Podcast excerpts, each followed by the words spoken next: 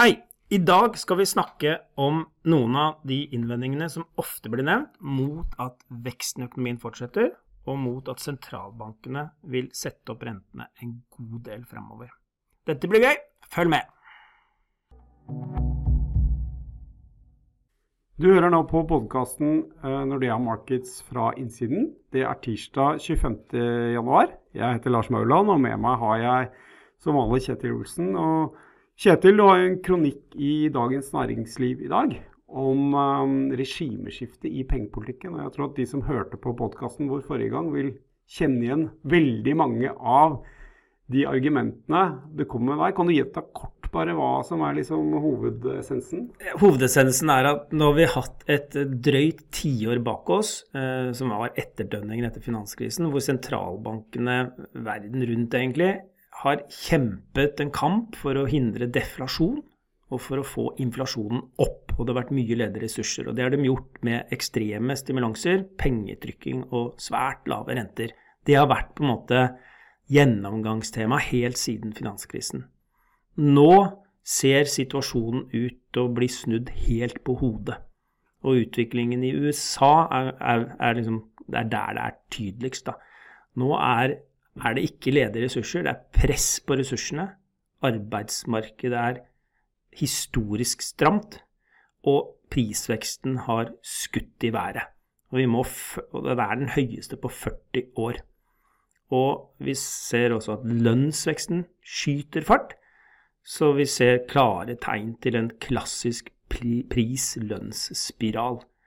Um, og, og det er en situasjon sentralbanken ikke har vært i på veldig, veldig lenge.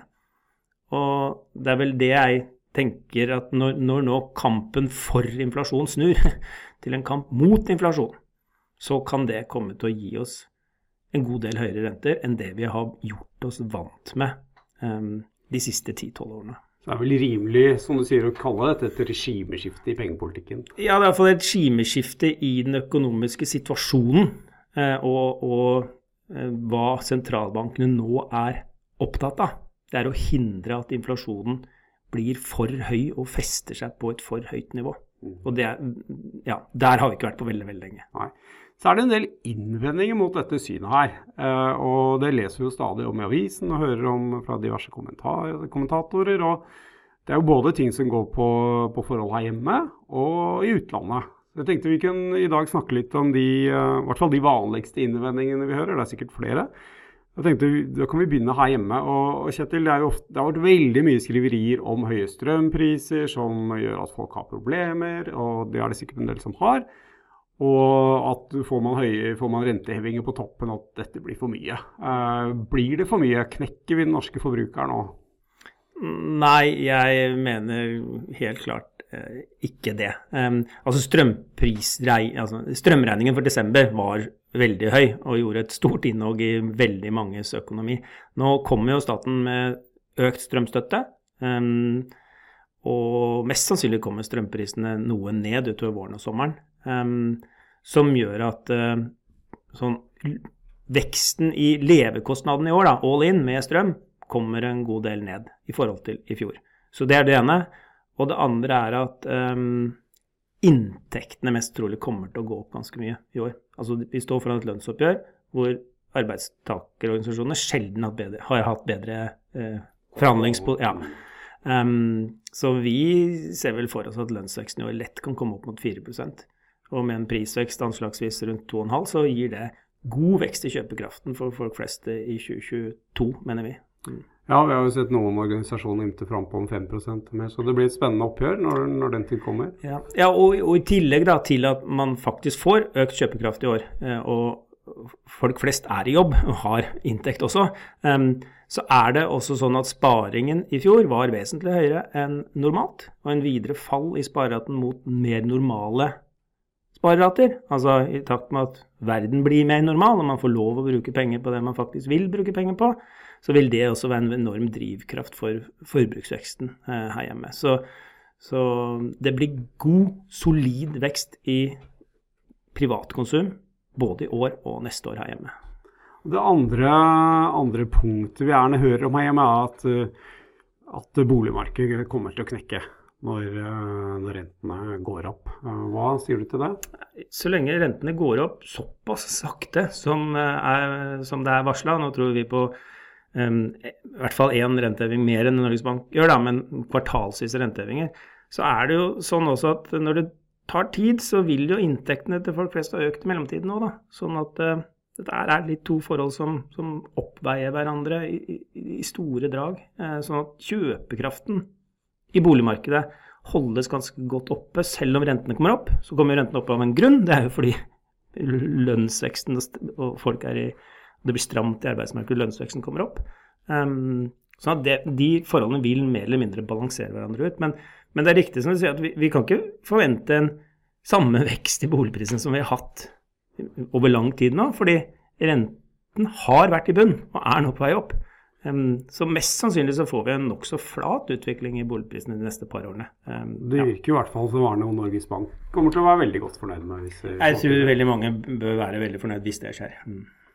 Så Det er på en måte de viktigste innvendingene her hjemme. Men, eh, men eh, USA har vi snakka mye om, og det er der kanskje det store skiftet i, eh, i pengepolitikken ligger foran oss. De vil liksom kanskje være i, i, i førersetet her. og den ehm, amerikanske sentralbanken var jo lenge av den oppfatning at denne utviklingen, denne veldig høye prisveksten, var litt midlertidig. Nå har de snudd på det, sier at det er kanskje ikke så midlertidig. Men fortsatt noen som mener at uh, Janet Yellen bl.a., som er finansminister i USA, sier at uh, nei, bare vent når vi kommer litt ut i slutten av året her, så er prisveksten uh, mer normal igjen i USA. Men, men Tror vi egentlig det, eller tror vi det, Kjetil? Hva, hva, kommer til å skje med prisveksten fremover i USA? Ja, altså, det er flere forhold her. og det, det, det, første er kanskje på en måte oppfattelsen om at den høye prisveksten skyldes forhold på tilbudssiden i den globale økonomien. Vi har hørt mange, mye om sånne forstyrrelser i forsyningskjeder og sånne ting. Um, men de bommer litt på liksom den bakenforliggende årsaken, mener jeg. da. Det er jo fordi etterspørselen har vært skyhøy at prisene har steget, og at det er problemer i forsyningsleddene. Mm, vi har vel sett en 20% økning i varekonsumet globalt. Ja, gjennom pandemien. Så, så, det er på en måte hovedårsaken der.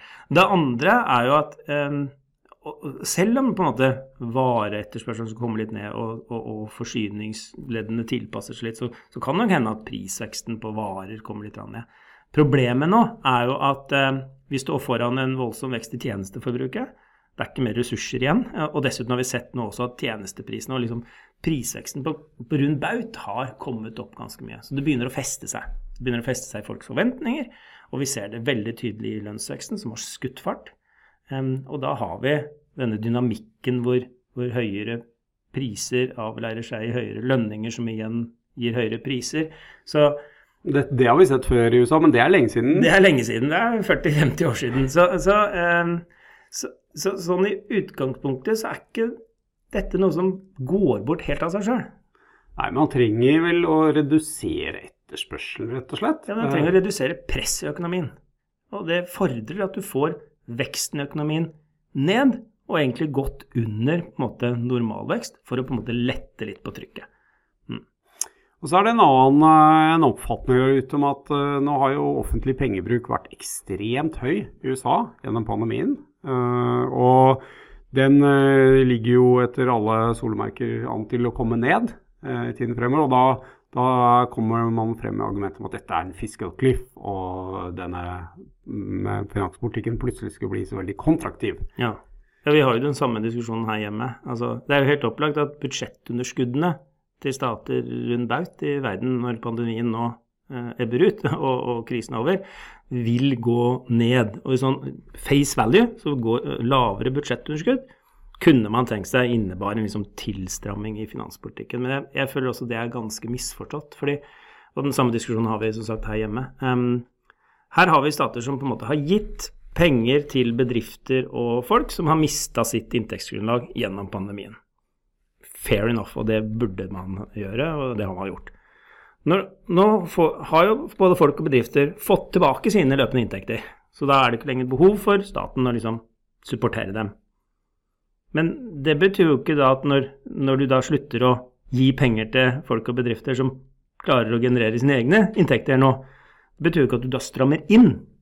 Det, det blir på, på samme måte som som eh, en vanlig ledighetstrygdsordning. Altså når ledigheten øker, så øker utgiftene til ledighetstrygd. Eh, og når det går bedre, så reduseres utgiftene til ledighetstrygd. Det er ikke en innstramming, det er automatiske stabilisatorer som er bygd inn i systemet.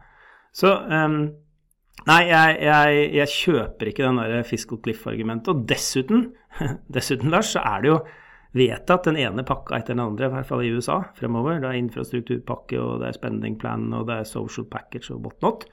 Um, så jeg vil snu det på hodet. Jeg Min vurdering er at finanspolitikken i USA blir kraftig stimulerende i årene fremover. Ja, så har vi jo tidligere at alle de, eller veldig mye av de pengene som er delt ut til bedrifter og folk, de har jo ikke blitt brukt ennå. De er jo blitt spart opp. Så den, den, økonomiske effekten av det har vi egentlig ikke sett ennå. Eller aktivitetseffekten, da, kaller det. Nei, USA er litt spesielt igjen, for der har jo alle fått uh, sjekk i posten. Um, og, og, og stat Statene eh, har jo ikke klart å bruke opp alle pengene de har fått fra de liksom, føderale myndighetene, som du sier. Så liksom, husholdningene sitter på en sparebuffer um, på tilsvarende 15 av BNP.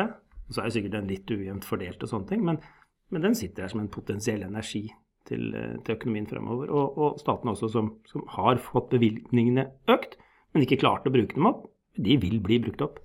Så, så, helt, ja, så på toppen av at det ikke er noe fiscal cliff, så er det en, en, liksom, en oppbygd liksom, buffer her, både på statnivåene og, og, i husholdningene, som også kan virke som en enorm kraft inn i økonomien fremover. Mm. Ja, veldig forskjellig etter det vi så etter finanskrisen. Mm. Eh, og det siste argumentet som vi vil trekke fram her, det er liksom ja, men markedet priser jo ikke inn mer enn så og så mange rentehevinger priser inn at Fed kanskje klarer å heve renta opp til 2% og så er det ferdig. Mm. Kroken på døra, da blir det krasj i markedet og krasj i økonomien. Mm. Uh, og, og at, at, man må liksom Fed må høre på her hva markedet sier. Mm. Men da er det vel, eh, Lars, som du mange ganger har hevda, det er jo her har vi jo med en sentralbank som over lang tid har nettopp prøvd å holde de lange rentene nede gjennom pengetrykking, kvantitative lettelser. og Det kan vel ha noe med saken å gjøre, eller hva tror du? Ja, det, jeg tror det er ganske åpenbart. Det er jo, det er jo en uttalt uh, eh, FA, eller det ønsket uh, funksjon av disse kjøpsprogrammene var jo nettopp å få ned de lange rentene. Og da er det jo ikke så rart at de er lave. For å si Det sånn, det ser ut som dette har virket. Og nå ligger det an til at disse kjøpsprogrammene til Fed går i revers, kanskje allerede fra sommeren av. Kanskje vi får vite litt mer om det eh, i morgen når det er rentemøte i USA. Kanskje vi må vente til mars før de sier noe litt mer eksplisitt om det. Men eh, det er flere Fed-medlemmer har vært ute og uttalt dette nå, at de, de, ser for seg å redusere balansen. Altså Da blir netto salg av obligasjoner mm. i, i markedet. og hvis netto kjøp førte til høyere renter, så vil netto eh, til lavere renter, så vil netto salg føre til høyere renter. og mm. um, Vi har jo sett litt rugling i markedet uh, så langt, kanskje på bakgrunn av, dette her. Men med fortsatt god inntjening i, for de aller fleste bedriftene, så, så tror vi at her kommer de fleste bedrifter til å klare seg ganske godt uh, gjennom dette her. Uh, dessuten så er det jo en, en, litt sånn villet utvikling fra Fed å stramme til litt. Og det kan jo bety kanskje litt eh, ikke så offensiv prising i aksjemarkedet, kanskje litt høyere kredittspredder. De vil i hvert fall ha opp lange renter. Husk at i USA så låner tre fjerdedeler av privat sektor på fastrente og ikke på flytende rente. Så de lange rentene må opp her for å stramme til. Og, og, mest sannsynlig så må man ha, eller vil vi få en kombinasjon mm. av alle disse faktorene. Og det er det som vil gi en innstramming i de finansielle forholdene. Og det er det som du sa nettopp, det som må, må til for å mm. få ned aktivitetsnivået her. Fordi vi får ikke noe hjelp fra husholdningene. De har masse penger oppspart, de har lyst til å bruke penger når ting opp igjen. Vi får ikke noe hjelp fra staten, for de eh, skal også bruke masse penger. Så det er på en måte pengepolitikken som skal gjøre litt det motsatte da, av det de egentlig har holdt på med siden, siden finanskrisen. Men hovedpoenget ditt liksom at de som da viser til markedsprising og sier se her, markedet tror ikke på Fed, eh, de, de, klar, de klarer ikke å sette opp rentene, eller de, hvis, hvis, rentene kommer så knekker alt sammen. Det du sier er at nei, det er fordi de er manipulert. Det er sentralbanken ja. sjøl som mm. Og nå går den kalde manipulasjonen um, snart motsatt vei også. Mm. Så da får vi et sig opp i rentene. Så mm, ja, jeg føler vi har vært gjennom en del motargumenter. Vi kjøper vel egentlig ingen av de, Kjetil? Ikke vel sånn uh, første øyekast, nei. Nei. Så vi har vel prøvd å, å dele litt hva, hva, hva vi tenker og tror da, om de motargumentene. Mm. Og det er jo ikke så rart heller. altså med, med på en måte med, med en pengepolitikk som har stått på full blast uh, siden nesten da, siden uh, 2008, høsten 2008. Så det er jo ikke så rart at uh, folk og markedet bruker litt tid Mm. på, på å venne seg til, og sentralbanker også, at Mm. her er situasjonen uh, veldig, veldig annerledes. Så, så vi tror at her vil markedsrentene fortsette opp, uh, sentralbanken vil fortsette å stramme til, og, og folk vil etter hvert venne seg til at uh, ting går litt motsatt vei. Mm. Det var alt for i dag. Eh, Du har hørt på podkasten Nordea Markets fra innsiden. Eh, Jeg er Lars Mauland, og med meg har jeg hatt Kjetil Olsen.